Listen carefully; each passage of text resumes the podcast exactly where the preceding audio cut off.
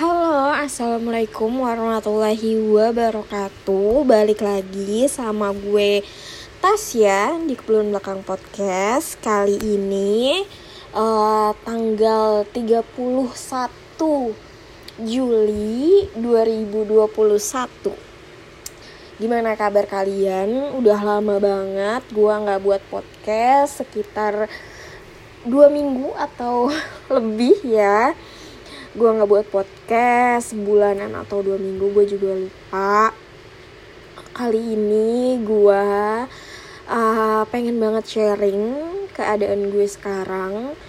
Um, so happy nggak tahu mungkin uh, keadaan pada hari ini adalah satu salah satu keadaan yang terbaik menurut gue maksudnya suasana hati gue seperti yang lo tahu itu sangat-sangat random. Gue bisa amat sangat um, ya gue lebih banyak sedih lebih banyak ya sedih segala macam itu ya.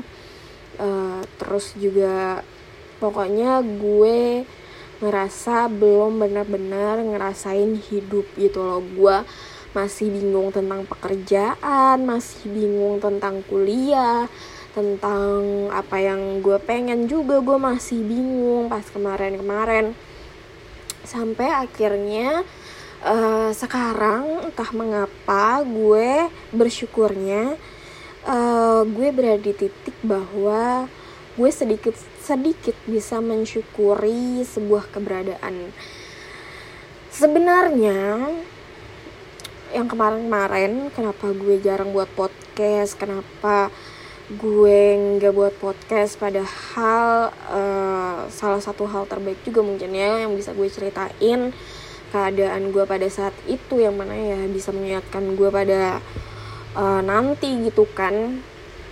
Tapi kemarin-kemarin rasanya uh, semap semrawut banget kepala gue kayak kusut banget gitu. Gue nggak tahu harus gimana harus apa apa yang harus dilakuin um, semuanya kayak rasanya tuh berat banget gitu loh buat gue karena gue pengen kuliah gue juga maksudnya nggak mau ngerepotin ayah sama mama gue gitu kan karena uh, kakak gue juga mau kuliah gitu kan gue juga mikirin itu gitu loh. Terus juga um, kerja uh, gue juga pengen bantu kerja istilahnya kayak gitu. Tapi gue belum mendapat kesempatan itu belum dapat kesempatan kerja itu. Terus ya suruh bantu-bantu di kantor sama mama gue.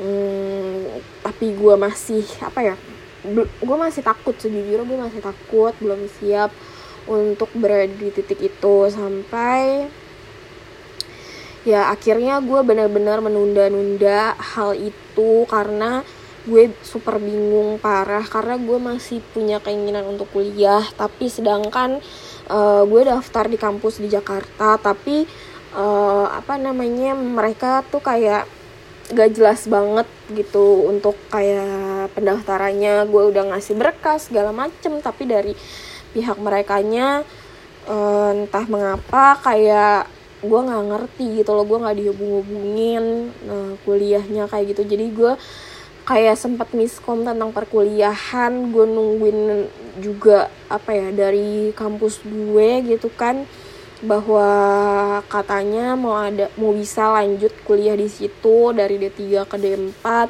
gue nungguin itu juga informasinya pada saat itu juga nggak ada simpang siur apakah beneran dibuka atau nggak akan di, nggak dibuka belum waktunya kayak gitu.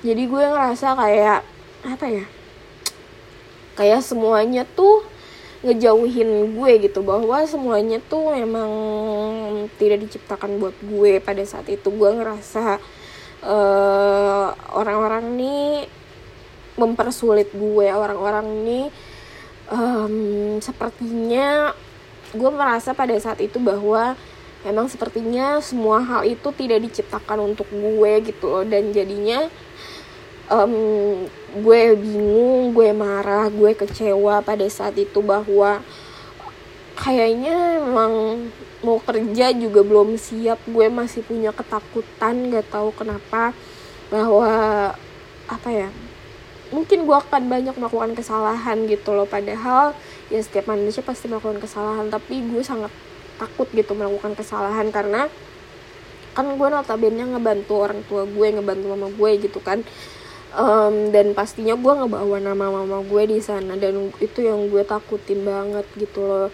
Apalagi uh, gue juga pengen kuliah tapi gue maksudnya pada saat itu gue pengen banget kuliah tapi gue juga tahu bahwa uh, sebenarnya yang butuh banget kuliah itu adalah kakak gue gitu loh. Maksudnya gue perempuan um, sepertinya D3 itu udah lebih dari cukup gitu loh kesempatan untuk gue kuliah D3 itu udah sangat lebih dari cukup buat gue jadinya.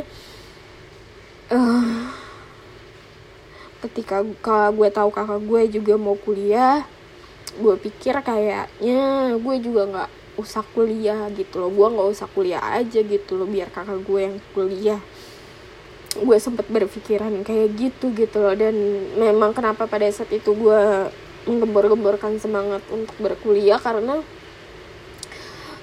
gue karena kakak gue mikirnya dia pengen kerja kayak gitu. Tapi uh, dengan keadaan corona kayak gini kan susah banget nih nyari kerja. Dan juga banyak banget lowongan yang uh, mencarinya S1 atau ya D4 gitu loh jarang banget yang nyarinya D3 sedangkan kakak gue juga D3 walaupun dia lulusan UGM tapi kan dia juga uh, cuman D3 akhirnya um, di sisi lain gue juga sebenarnya pengen gitu kuliah lagi gue pengen belajar lagi.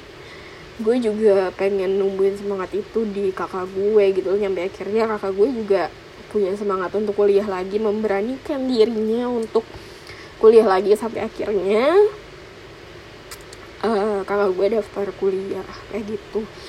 Um, terus kenapa gue jadi sedih gitu ya? Terus uh, sebenarnya gue amat sangat bersyukur bahwa gue berada di posisi ini.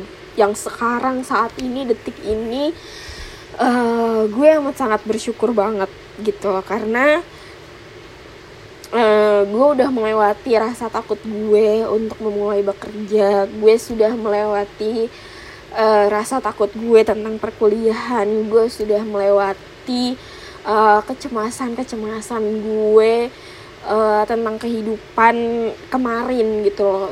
Jadi sekarang uh, ada beberapa banyak hal tidak beberapa juga ya. Ada banyak hal yang gue sadarin ketika gue berada di momen kayak gini um, setelah gue jelasin kondisi kakak gue kayak gitu uh, sedikit cerita mungkin. Um, kemarin tepatnya tanggal berapa ya?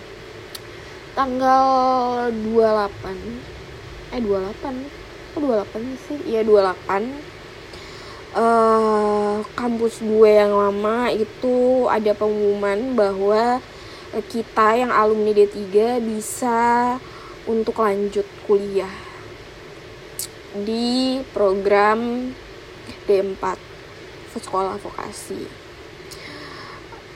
Di hari sebelumnya di hari sebelumnya gak tahu kenapa karena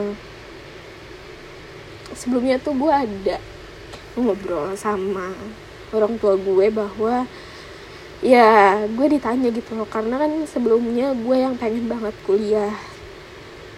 Tapi ternyata yang daftar duluan itu kakak gue kan. Terus gue ditanya deh sama ayah sama mama gue gimana kuliahnya? Mau kuliah di mana? Kayak gitu. Yang di Jakarta udah daftar kemarin gimana? Terus katanya di kampus yang lama mau buka jadi atau enggak kayak gitu terus gue gue bilang karena pada saat itu gue nggak tahu bahwa kampus lama gue mau bener-bener fix ngebuka gitu kan pengumumannya jelas. Jadi gue cuman bilang ya yang di kampus lama gue gue nggak tahu. Tapi kalau yang um, di kampus yang di Jakarta ya gue harus ngubungin lagi orangnya. Dan pada saat besokannya itu gue sebenarnya gue antara yakin dan gak yakin gitu ya bahwa uh, awalnya gue bilang sih ke orang tua gue bahwa ya udah um, gue kerja aja gitu dan dan biar kakak gue aja yang kuliah gitu loh. Gue nggak apa-apa nggak kuliah nggak lanjut kuliah. Karena ya gue kan udah punya D3 jadi nggak apa-apa kayak gitu. Tapi kenapa gue sedih ya? Terus ya akhirnya uh, ayah sama gue bilang ya udah ya nggak apa-apa kakak kuliah kamu kuliah ya nggak apa-apa kayak gitu. Ya akhirnya ya besokannya gue memberanikan diri untuk ngechat dari orang yang universitasnya di Jakarta.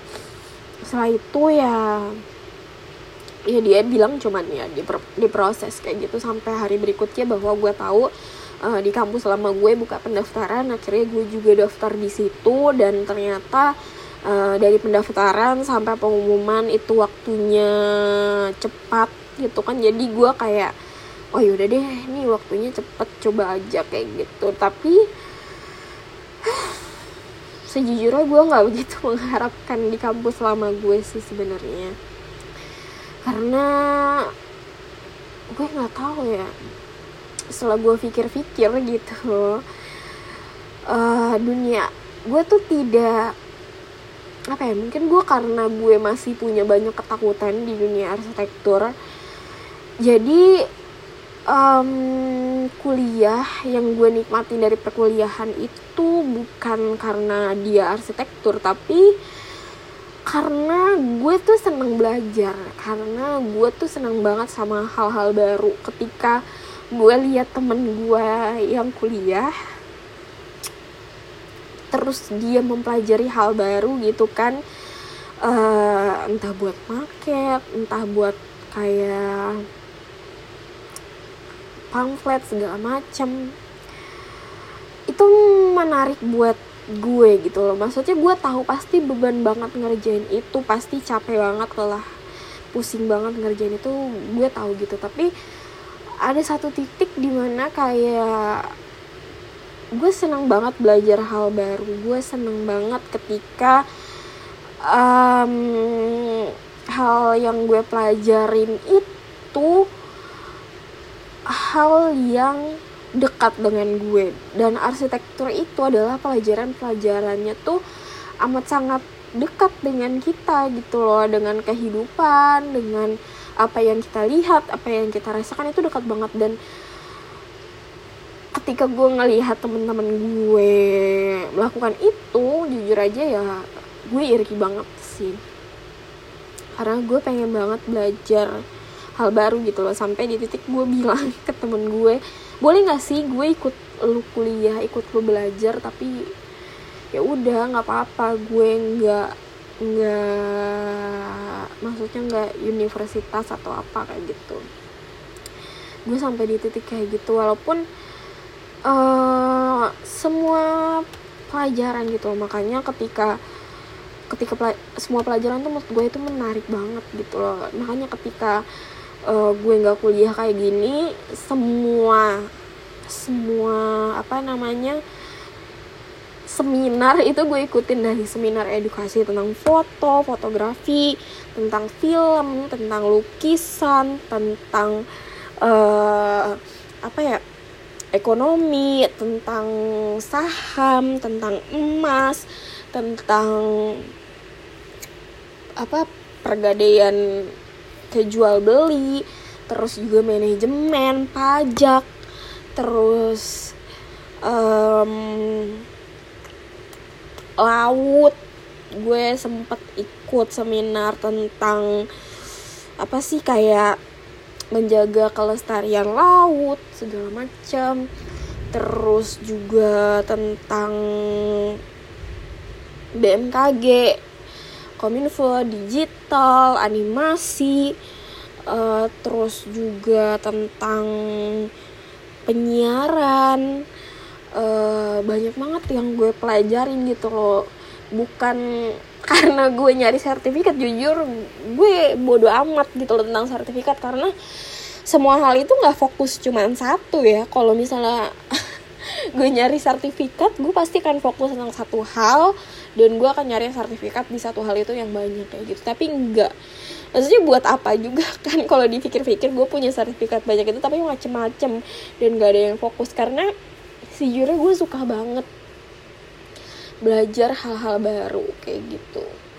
Cuman ya memang kadang apa ya ya karena pada saat kemarin pada saat ini juga kadang gue belum bisa ngatur mood gue dengan baik uh, jadinya itu ya kekurangan yang gue tahu tentang diri gue bahwa mood gue itu nggak stabil dan gue tahu itu dan um, kadang itu amat sangat berpengaruh di kehidupan gue dalam gue belajar juga itu sangat amat berpengaruh gitu loh. Jadinya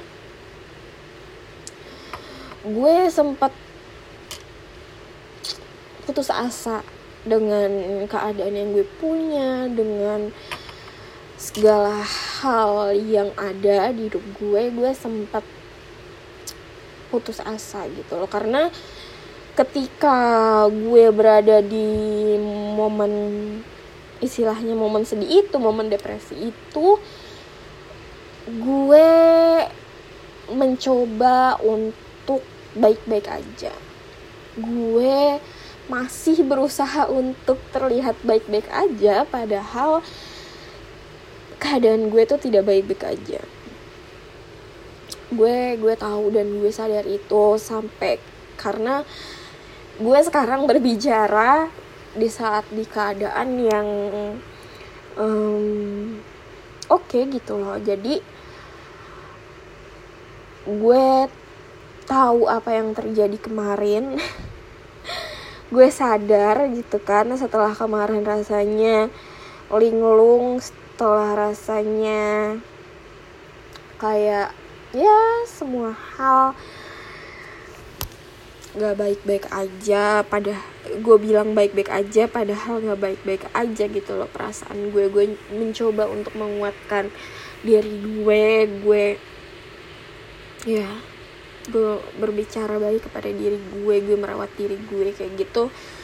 Sampai di titik sekarang yang gue sedikit menyesal adalah yang gak bisa gue kontrol adalah rasa kesepian gue. Karena ternyata ketika kemarin gue selalu merasa ingin sendirian gue selalu selalu merasa gue baik-baik aja sendirian gue yang terlalu takut memulai sesuatu dengan orang lain siapa pun itu gue terlalu takut untuk berteman segala macam dan ketika gue berada di titik baik-baik aja gitu loh. Kenapa kemarin gue tahu kenapa kemarin gue menghindari bertemu dengan orang-orang bersosialisasi dengan orang-orang. Um, istilahnya kayak cuman ngechat aja atau ngebalesin di ngebalesin story atau apa pun itu yang ya ngebalesin story atau itu. Gue terlalu takut. Gue takut banget nyakitin orang itu. Gue takut banget ngeganggu orang itu. Gue takut banget bahwa keberadaan gue itu sebenarnya ya gak penting-penting banget gitu loh. Keberadaan gue sebenarnya seharusnya nggak ada. Kayak gitu. Jadinya gue menghindar dari semua orang lebih tepatnya ya gue menghindar. Gue menjauh dari semua orang. Gue mencoba untuk tidak terlihat dari semua orang. Dan pada saat gue baik-baik aja sekarang ketika rasanya normal gue bisa ngerasain seneng gue bisa ngerasain sedih secara normal gue bisa ngerasain seneng gue bisa ngerasain makanan enak gue bisa ngerasain tidur nyaman gue bisa ngerasain berangkat ke kantor dengan perasaan tenang gue bisa ketemu orang dengan uh, kondisi yang normal itu tuh ternyata gue sadar bahwa gue tuh kesepian gitu loh. Gue tuh sadar bahwa gue nggak punya siapa pun di samping gue. Gue nggak punya siapa pun temen untuk bercerita. Gue nggak punya siapa pun um, untuk berbagi. Makanya ya sebenarnya dari dulu itu yang masalah gue gitu loh. Dan gue mengingatkan diri gue lagi di sini bahwa masalah itu masih berlanjut dan belum terselesaikan gitu kan. Dan sebenarnya ini adalah PR gue sih bahwa gue harus memperbaiki ini. Gue tahu uh, udah udah lama banget gue mempersiapkan diri gue untuk bekerja gitu kan. Sampai ketika gue bekerja tapi gue belum siap gue akhirnya mengundurkan diri nyampe sekarang um, insya Allah gue bener-bener dal dalam keadaan gue siap dan ya walaupun gue tahu pekerja bekerja capek ya tapi sampai detik ini sih gue cukup menikmatinya karena belajar banyak belajar lah banyak belajar hal baru juga. Jadi gue seneng hmm, minggu ini adalah minggu pertama gue bekerja. So happy. Jadi uh, finally gue akhirnya memulai untuk bekerja dan gue rasa itu adalah sesuatu hal yang positif buat gue sesuatu hal yang pergerakan yang maju gitu. Apa sih progres yang baik buat gue? Karena ya setelah berjuang bertahun-tahun begitu lama akhirnya gue bisa menikmati momen ini. Walaupun sebenarnya bukan menikmati sih tapi gue bisa menghadapi momen ini dengan tenang. Karena uh, sebelumnya gue nggak bisa. Sebelumnya gue tidak bisa menghadapi momen bekerja momen bertemu orang di pekerjaan tuh dengan tenang tuh gue nggak bisa. Gue pasti uh, gelisah gue pasti deg-degan gue pasti takut. Pokoknya uh, perasaan itu tidak menyenangkan. Tapi kali ini gue bisa menghandle perasaan itu. Gue gue nggak bilang bahwa perasaan itu nggak ada ya. Perasaan itu masih ada tapi alhamdulillahnya gue bisa menghandle perasaan itu dan gue seneng banget dengan uh, keadaan itu sekarang yang gue rasain gue seneng banget. Uh, tapi walaupun seperti itu gue tahu seminggu ini menjadi seminggu yang um, mungkin ya awal yang akan gue mulai dan bisa jadi semakin tambah berat gitu kan. Karena gue nggak tahu ke depannya karena gue juga daftar kuliah. Uh, apakah gue makanya karena gue sudah berada di titik menikmati pekerjaan gue mulai bisa menikmati pekerjaan gue tapi ternyata uh, kampus gue yang lama buka penerimaan at least ketika gue berkuliah di sana dan gue harus kuliah di sana kalau nggak online lagi gitu kan berarti kan gue harus meninggalkan pekerjaan yang baru gue mulai gitu loh. Jadinya um, agak sedih gitu loh karena gue nggak tahu apakah nantinya gue bisa menikmati perkuliahan gue karena gue masih ada ketakutan juga uh, istilahnya ya luka-luka ya ketakutan-ketakutan dari luka masa lalu gue itu masih ada. Gue mah jadinya gue masih takut gitu loh. Makanya nyampe sekarang gue masih mempersiapkan diri gue karena yang pasti gue akan ketemu orang baru gue akan berada di kehidupan baru lagi kehidupan perkuliahan yang pasti akan berbeda dari kehidupan perkuliahan sebelum gue gitu kan. Jadinya jujur aja gue sih tidak berharap banyak malah gue uh, berharap ya semoga tidak di tidak di diterima di universitas lama tapi kalau diterima juga ya nggak apa-apa juga sih bersyukur bahwa kan itu universitas negeri uh, jadinya prospeknya mungkin cukup bagus gitu loh walaupun tapi kalau misalnya keterima di sana ya gue nggak bisa lanjut pekerjaan di sini nggak enaknya tuh itu. Dan gue harus balik lagi ke lingkungan lama gue uh, lingkungan lama kuliah gue. Dan ya harus berkuliah lagi sekitar 2 tahunan di sana. Jadinya hmm, harus menyesuaikan diri lagi. Walaupun lingkungan yang sama tapi dengan keadaan yang berbeda itu jadi satu hal tantangan juga kan buat gue. Jadi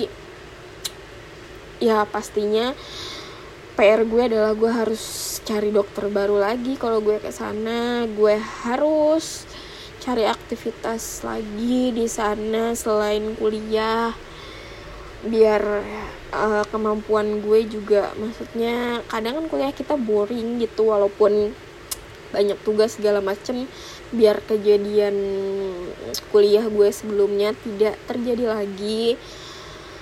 Ya kalau nggak terima nggak keterima gue juga bersyukur bahwa mungkin universitas yang di Jakarta gue bisa lanjut apa ya pendaftaran di sana. Terus gue juga bisa lanjut kerja di sini. Hmm, walaupun pekerjaannya nggak yang berat-berat banget dan gajinya nggak tinggi-tinggi banget tapi setidaknya ya karena gue mulai menikmati pekerjaan setidaknya gue sekalian healing ya healing dari luka-luka ketika gue bekerja dulu gue healing di sana gitu. Terus juga gue nggak perlu repot-repot nyari dokter lagi gitu kan. Jadinya ya udah gitulah so ya thank you doain gue. Minggu depan gue ada apa namanya ujiannya itu minggu depan. Lalu pengumumannya juga minggu depan. Semoga hasilnya semuanya yang terbaik. Uh, gue udah nggak peduli mau diterima atau enggak gitu kan karena ya ya sudah gitu loh. Karena semuanya ada positif ada negatifnya juga. Jadi so ya yeah, thank you sudah mendengarkan.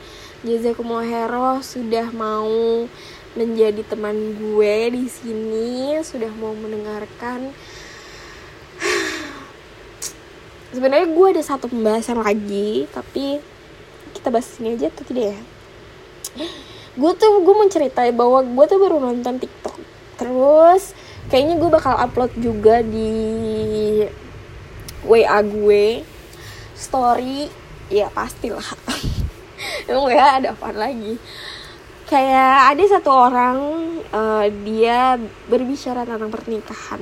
Mungkin nggak tahu kenapa kan mungkin karena gue kesepian gitu kan.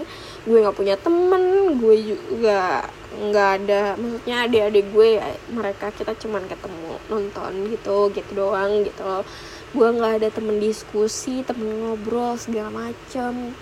Ada sih cuman karena corona dan kesibukan kita tidak bisa bertemu kayak gitu. Dan gue juga nggak punya teman diskusi segala macam.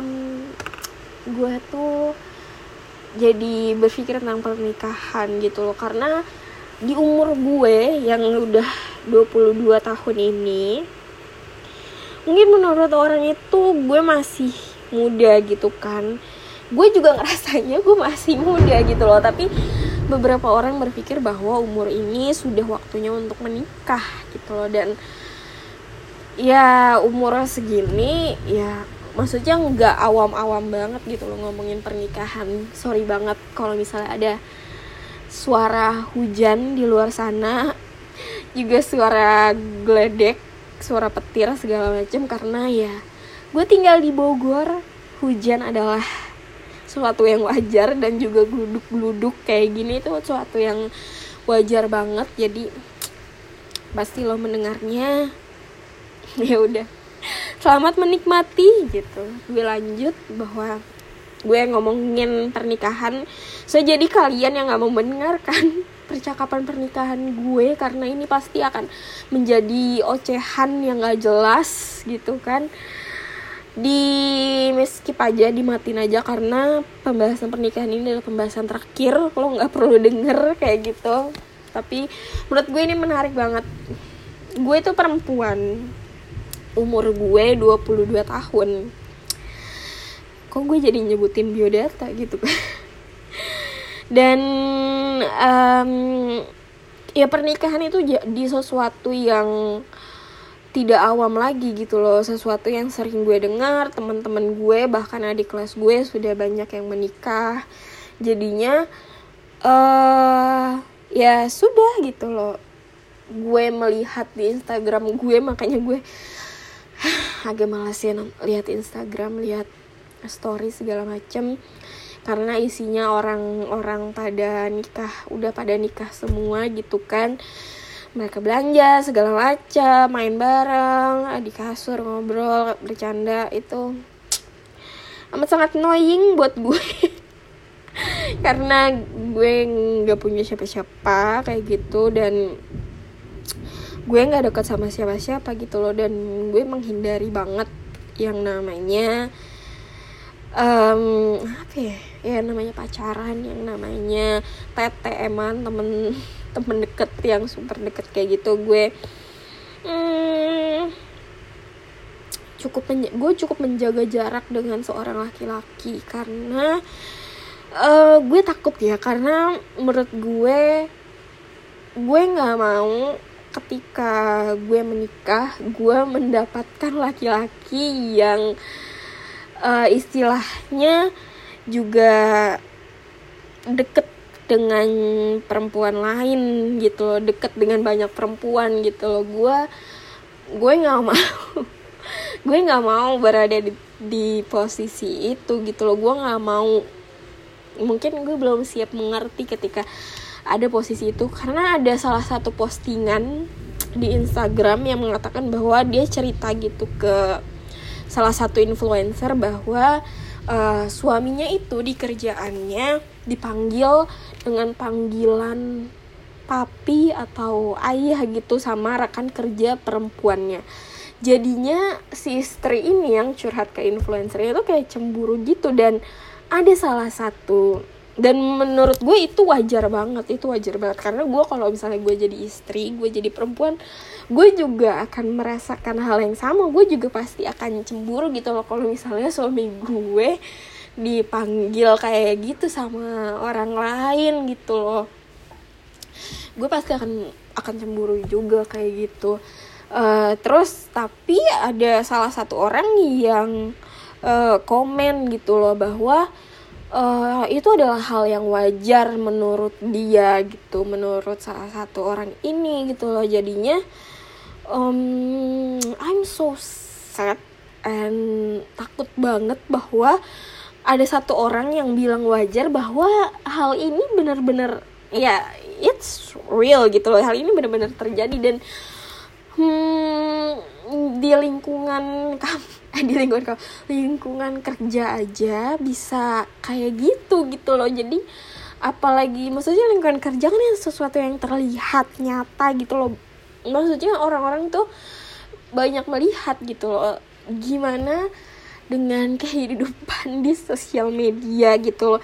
Kehidupan yang tidak terlihat kehidupan yang banyak privacy apalagi mungkin lo tahu bahwa ada salah satu artis yang privasinya dibuka. Jadi kalau nggak salah um, private apa insta insta story yang teman dekat gitu yang private itu disebarluaskan kayak gitu loh salah satu oknum lah gue juga nggak tahu itu pokoknya ribut gimana kayak gitu.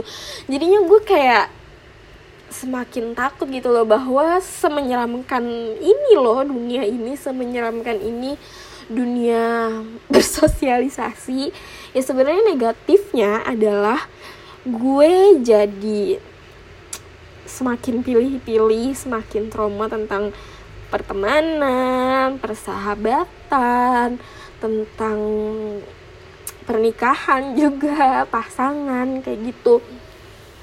Gue jadi semakin takut gitu loh, tapi ketika gue merasa bahwa gue kesepian dan gue butuh orang untuk cerita gue ngerasa kayak gue butuh seseorang gue butuh um, temen gue butuh ya temen dalam tanda kutip pasangan kayak gitu. Gue butuh itu dan uh, gue nggak bisa menghindar terus dari sebuah hubungan gitu kan.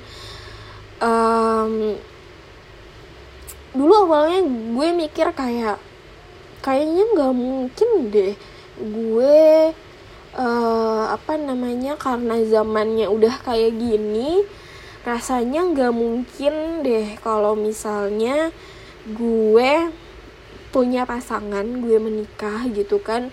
Tapi gue tidak dekat dengan siapa pun gitu loh. Karena gue kan notabene gue nggak punya orang laki-laki yang dekat sama gue temen main segala macam tuh gue nggak punya gitu. Gue cuman punya ya kenalan. Sekedar kenal benar-benar sekedar kenal kayak gitu. Ada sih beberapa yang mungkin gue bisa ngobrol banyak sama orang itu beberapa nggak nggak banyak. Ya satu orang apa ya?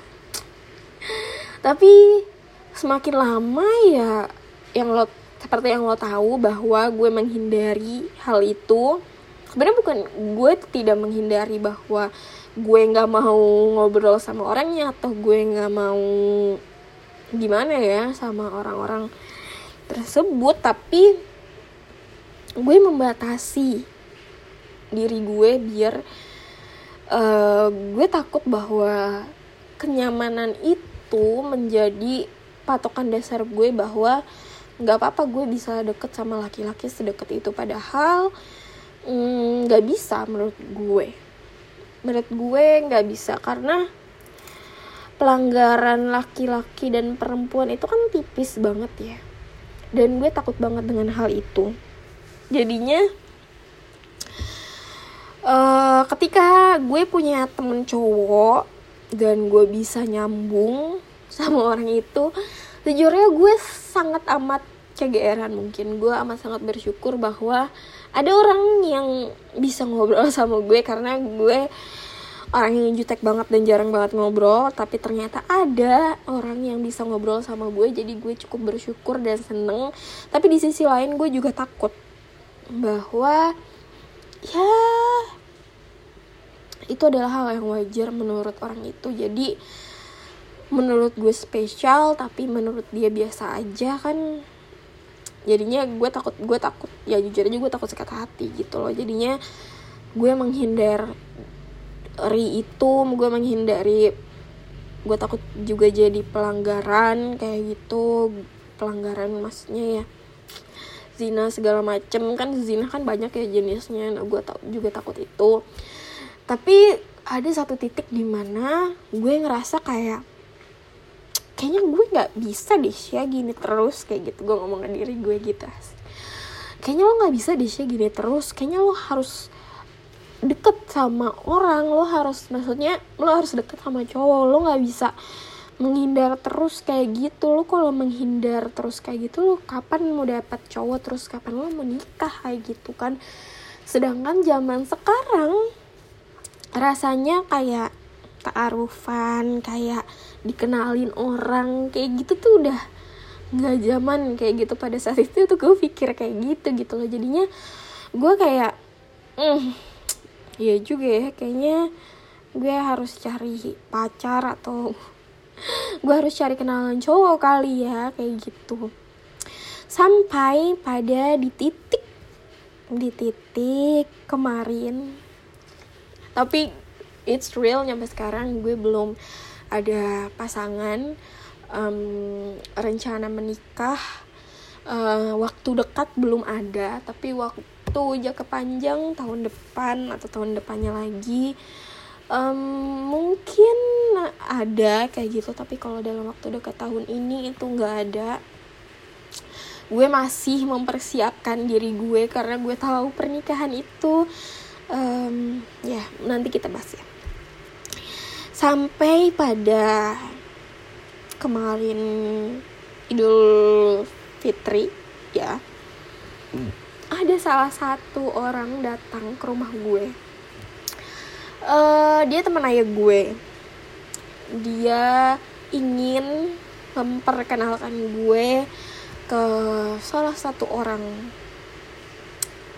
untuk ya untuk menikah gitu loh istilahnya mau taruh kayak gitu. Dia ngasih biodata segala macam. Tapi sayangnya pada saat itu gue bener-bener belum siap. Seperti yang lo tahu bulan-bulan awal ini tahun ini mental gue sangat gak stabil dan keadaan gue juga bener-bener ke kontrol jadi um, sepertinya pernikahan pada tahun ini belum menjadi prioritas gue gitu loh. Dan uh, kalau gue ditanya gue istihoroh atau enggak? Iya gue istihoroh. Gue uh, meyakinkan diri gue bahwa apakah gue akan menikah tahun ini dengan orang tersebut atau tidak gitu loh. Bahwa apakah gue benar-benar siap atau enggak? Gue benar-benar um, ya gue istihoroh walaupun sebenarnya awalnya gue tolak dulu tapi habis gue tolak baru gue istihorohin karena uh, ini itu pengalaman pertama kali gue gitu loh untuk ingin dikenalkan dengan laki-laki sekaligus hal yang mengakit, mengagetkan buat gue bahwa uh, gue ternyata cara dengan cara ta'aruf gitu kan yang gue kira zaman sekarang itu tidak ada ternyata masih ada. Ternyata jalan yang gue jalani sama ini itu bukan jalan yang salah itu jalan yang benar. Gue yang gue jaga selama ini itu adalah hal yang benar yang benar-benar gue jaga gitu loh nyampe sekarang. Dan uh, walaupun rasanya sedih banget kesepian itu nggak enak banget ya. Saat lo nggak punya temen saat lo nggak punya siapa pun itu nggak enak banget. Makanya gue buat podcast ini. Um, walaupun ya itu tetap aja sulit gitu loh karena rasanya boring banget. Lo pasti masih tetap butuh teman ngobrol.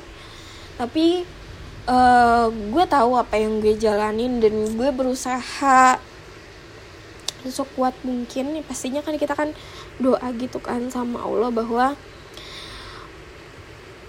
Allah akan mempertemukan gue dengan jodoh gue di umur yang tepat keadaan yang tepat orang yang tepat orang yang um, istilahnya kalau sekarang gue cuman bisa doain doang gitu loh. Terus juga gue bisa dapat mertua yang tepat anak-anak yang apa soleh dan soleha yang gue inginin kayak gitu. Semuanya di dalam kondisi yang tepat gitu loh. Tepat buat Allah dan tepat buat gue. Dan um, gue amat sangat bersyukur bahwa gue di titik ini dan gue bisa merasakan semua perasaan ini.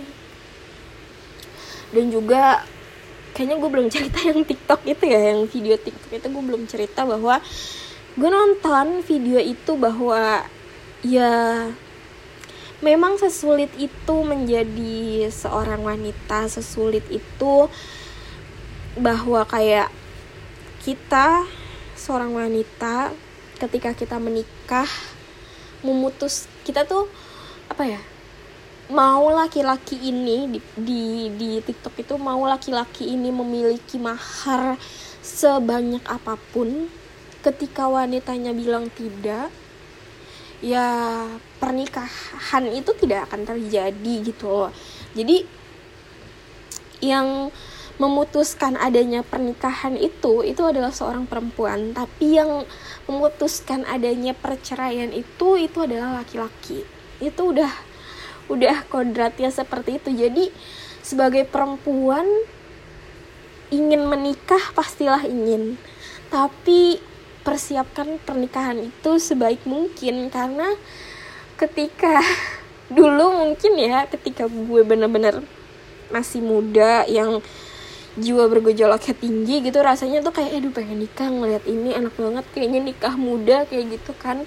Tapi uh, ketika kita beranjak dewasa ketika gue beranjak dewasa pernikahan jadi salah satu hal yang um, apa namanya bukan berat bukan sulit ya jadi salah satu concern yang amat serius buat gue. Jadi gue juga harus mempersiapkannya secara serius nggak main-main gitu loh. Karena ketika gue seorang perempuan seperti yang udah dibilang tadi memutuskan untuk menikah maka insya Allah maksudnya memutuskan bahwa gue udah kan pasti kita semua pengen menikah gitu kan. Um, ketika gue perempuan sudah siap sudah mau sudah mau dan sudah siap sudah mantap dan jodohnya juga sudah ada untuk menikah maka pernikahan itu pasti akan terjadi.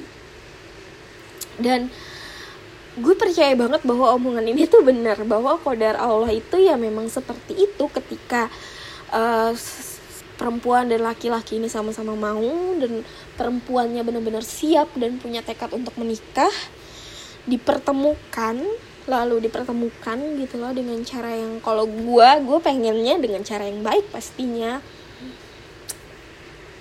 dengan cara yang baik maka pernikahan itu akan ada akan ya akan terjadi kayak gitu.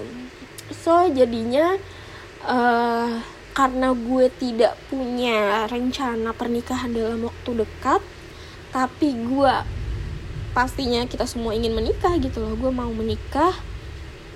Dulu dulu gue mikir mau.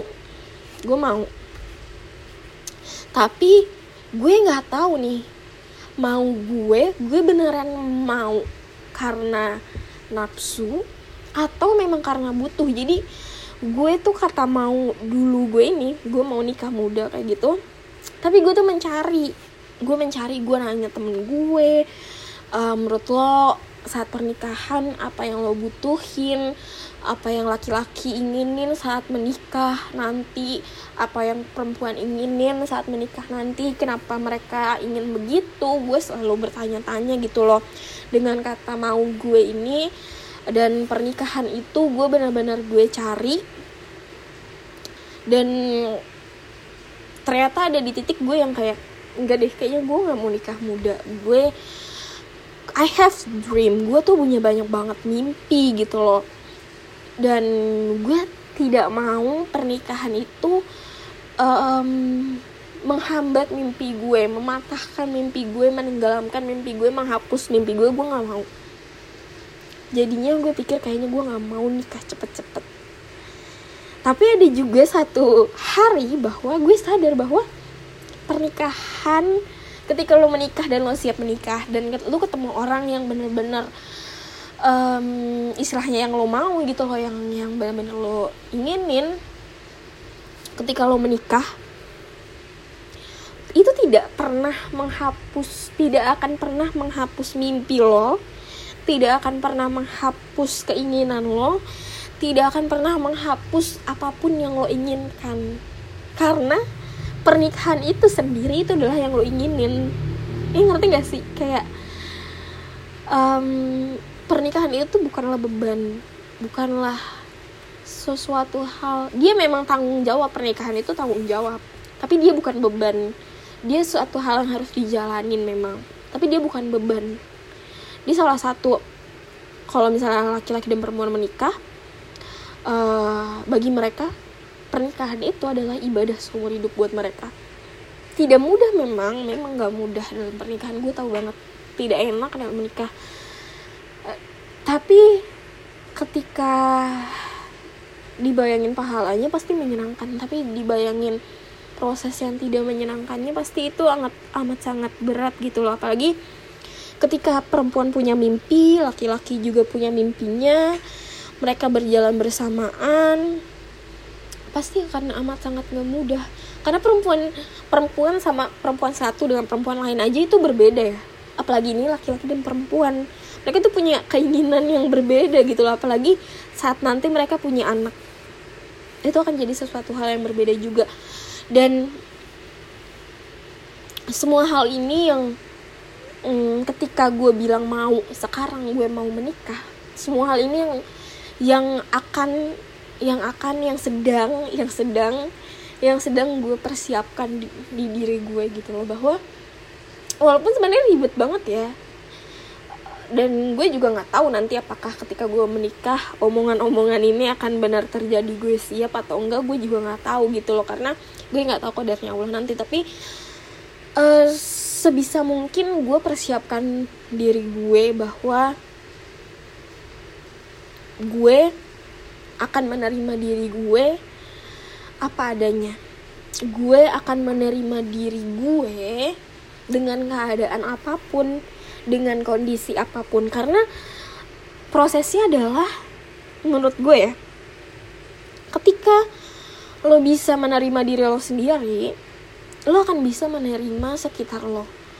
Lo akan bisa mencerna apa yang terjadi di sekitar lo. Dan ketika lo nggak bisa um, menghargai diri lo sendiri ketika lo nggak bisa menghargai diri lo ini lo juga gak akan bisa no menghargai keberadaan orang lain di sekitar lo. Apalagi ketika lo punya suami lo punya anak lo mungkin akan menghiraukan mereka. Dan dan ketika gue bilang mau ini gue pengen gue bisa menghandle diri gue sendiri ini. Dan gue gue amat sangat bangga terhadap diri gue sampai gue di titik ini bahwa uh, gue tahu bahwa gue butuh seseorang gue butuh istilahnya partner hidup teman untuk menikah. Karena sebelumnya gue berpikir kayaknya gue belum ya memang gue belum butuh pada saat itu gue berpikir gue belum butuh. Tapi pada saat sekarang gue pikir ya gue siap dan gue mempersiapkan itu gitu. Jadinya gue pikir gue perlu waktu lebih lama dibanding 22 tahun atau 23 tahun gitu loh nanti. Gue pikir gue butuh waktu sampai nanti gue 25 tahun untuk mencapai itu. Tapi setelah waktu berjalan karena ya gue mikir karena kesehatan mental gue juga gue berpikir keluarga gue keluarga pasangan gue nanti juga gue berpikir nanti gue saat gue memiliki anak gue pikir gitu. Jadi gue mikir 25 tapi ketika gue jalanin sekarang gue mulai pemulihan untuk diri gue lebih cepat. Bersyukurlah gue um, datang ke psikiater gue lebih cepat gue mulai pemulihan diri gue sendiri lebih cepat. Um, yang awalnya gue pikir ah, nanti aja 25 tahun. Tapi ternyata saat gue 22 tahun ini gue nggak nyangka banget bahwa gue bisa berpikiran. Gue bisa bisa berpikiran seperti tadi yang lo denger gitu lo gue bisa berpikiran seperti itu bahwa I need seseorang untuk menikah gitu loh. Bukan ya mungkin karena fak banyak faktor juga ya. Mungkin karena gue juga melihat banyak temen-temen menikah. Jadinya um, pernikahan jadi nggak semenakutkan di awal di pertengahan saat gue memandang pernikahan gitu loh awal-awal gue mempertanyakan dalam pernikahan itu lalu gue ya gue jadi takut menikah. Tapi setelah itu gue benar-benar tahu apa yang harus gue persiapin. So ya yeah, thank you jazakumullah khairan jazakumullah khairan buat semuanya udah dengerin. Mungkin agak gak jelas banget pastinya lo dengerin gue ngomong kayak gini So ya mungkin sekian dari gue. Ini podcast sampai 50 menit. Selamat menikmati hari-hari kalian. Jangan lupa bersyukur Jangan lupa untuk tetap semangat Jangan lupa untuk menghargai diri kalian sendiri Jangan lupa untuk menghargai orang-orang sekitar kalian Terutama buat kalian, buat orang tua kalian Buat orang pokoknya orang sekeliling kalian Terutama orang tua kalian, saudara kalian, segala macem di masa pandemi kayak gini semoga kalian sehat-sehat aja. Semoga kalian uh, diberikan cinta diberikan kasih sayang sama Allah Subhanahu Wa Taala oleh Tuhan yang Maha Kuasa. Semoga kalian bisa ngerasain perasaan tenang perasaan damai yang gue rasain. Karena gue nggak tahu kenapa mungkin gue seseneng itu merasakan ini. So ya. yeah. Wassalamualaikum warahmatullahi wabarakatuh.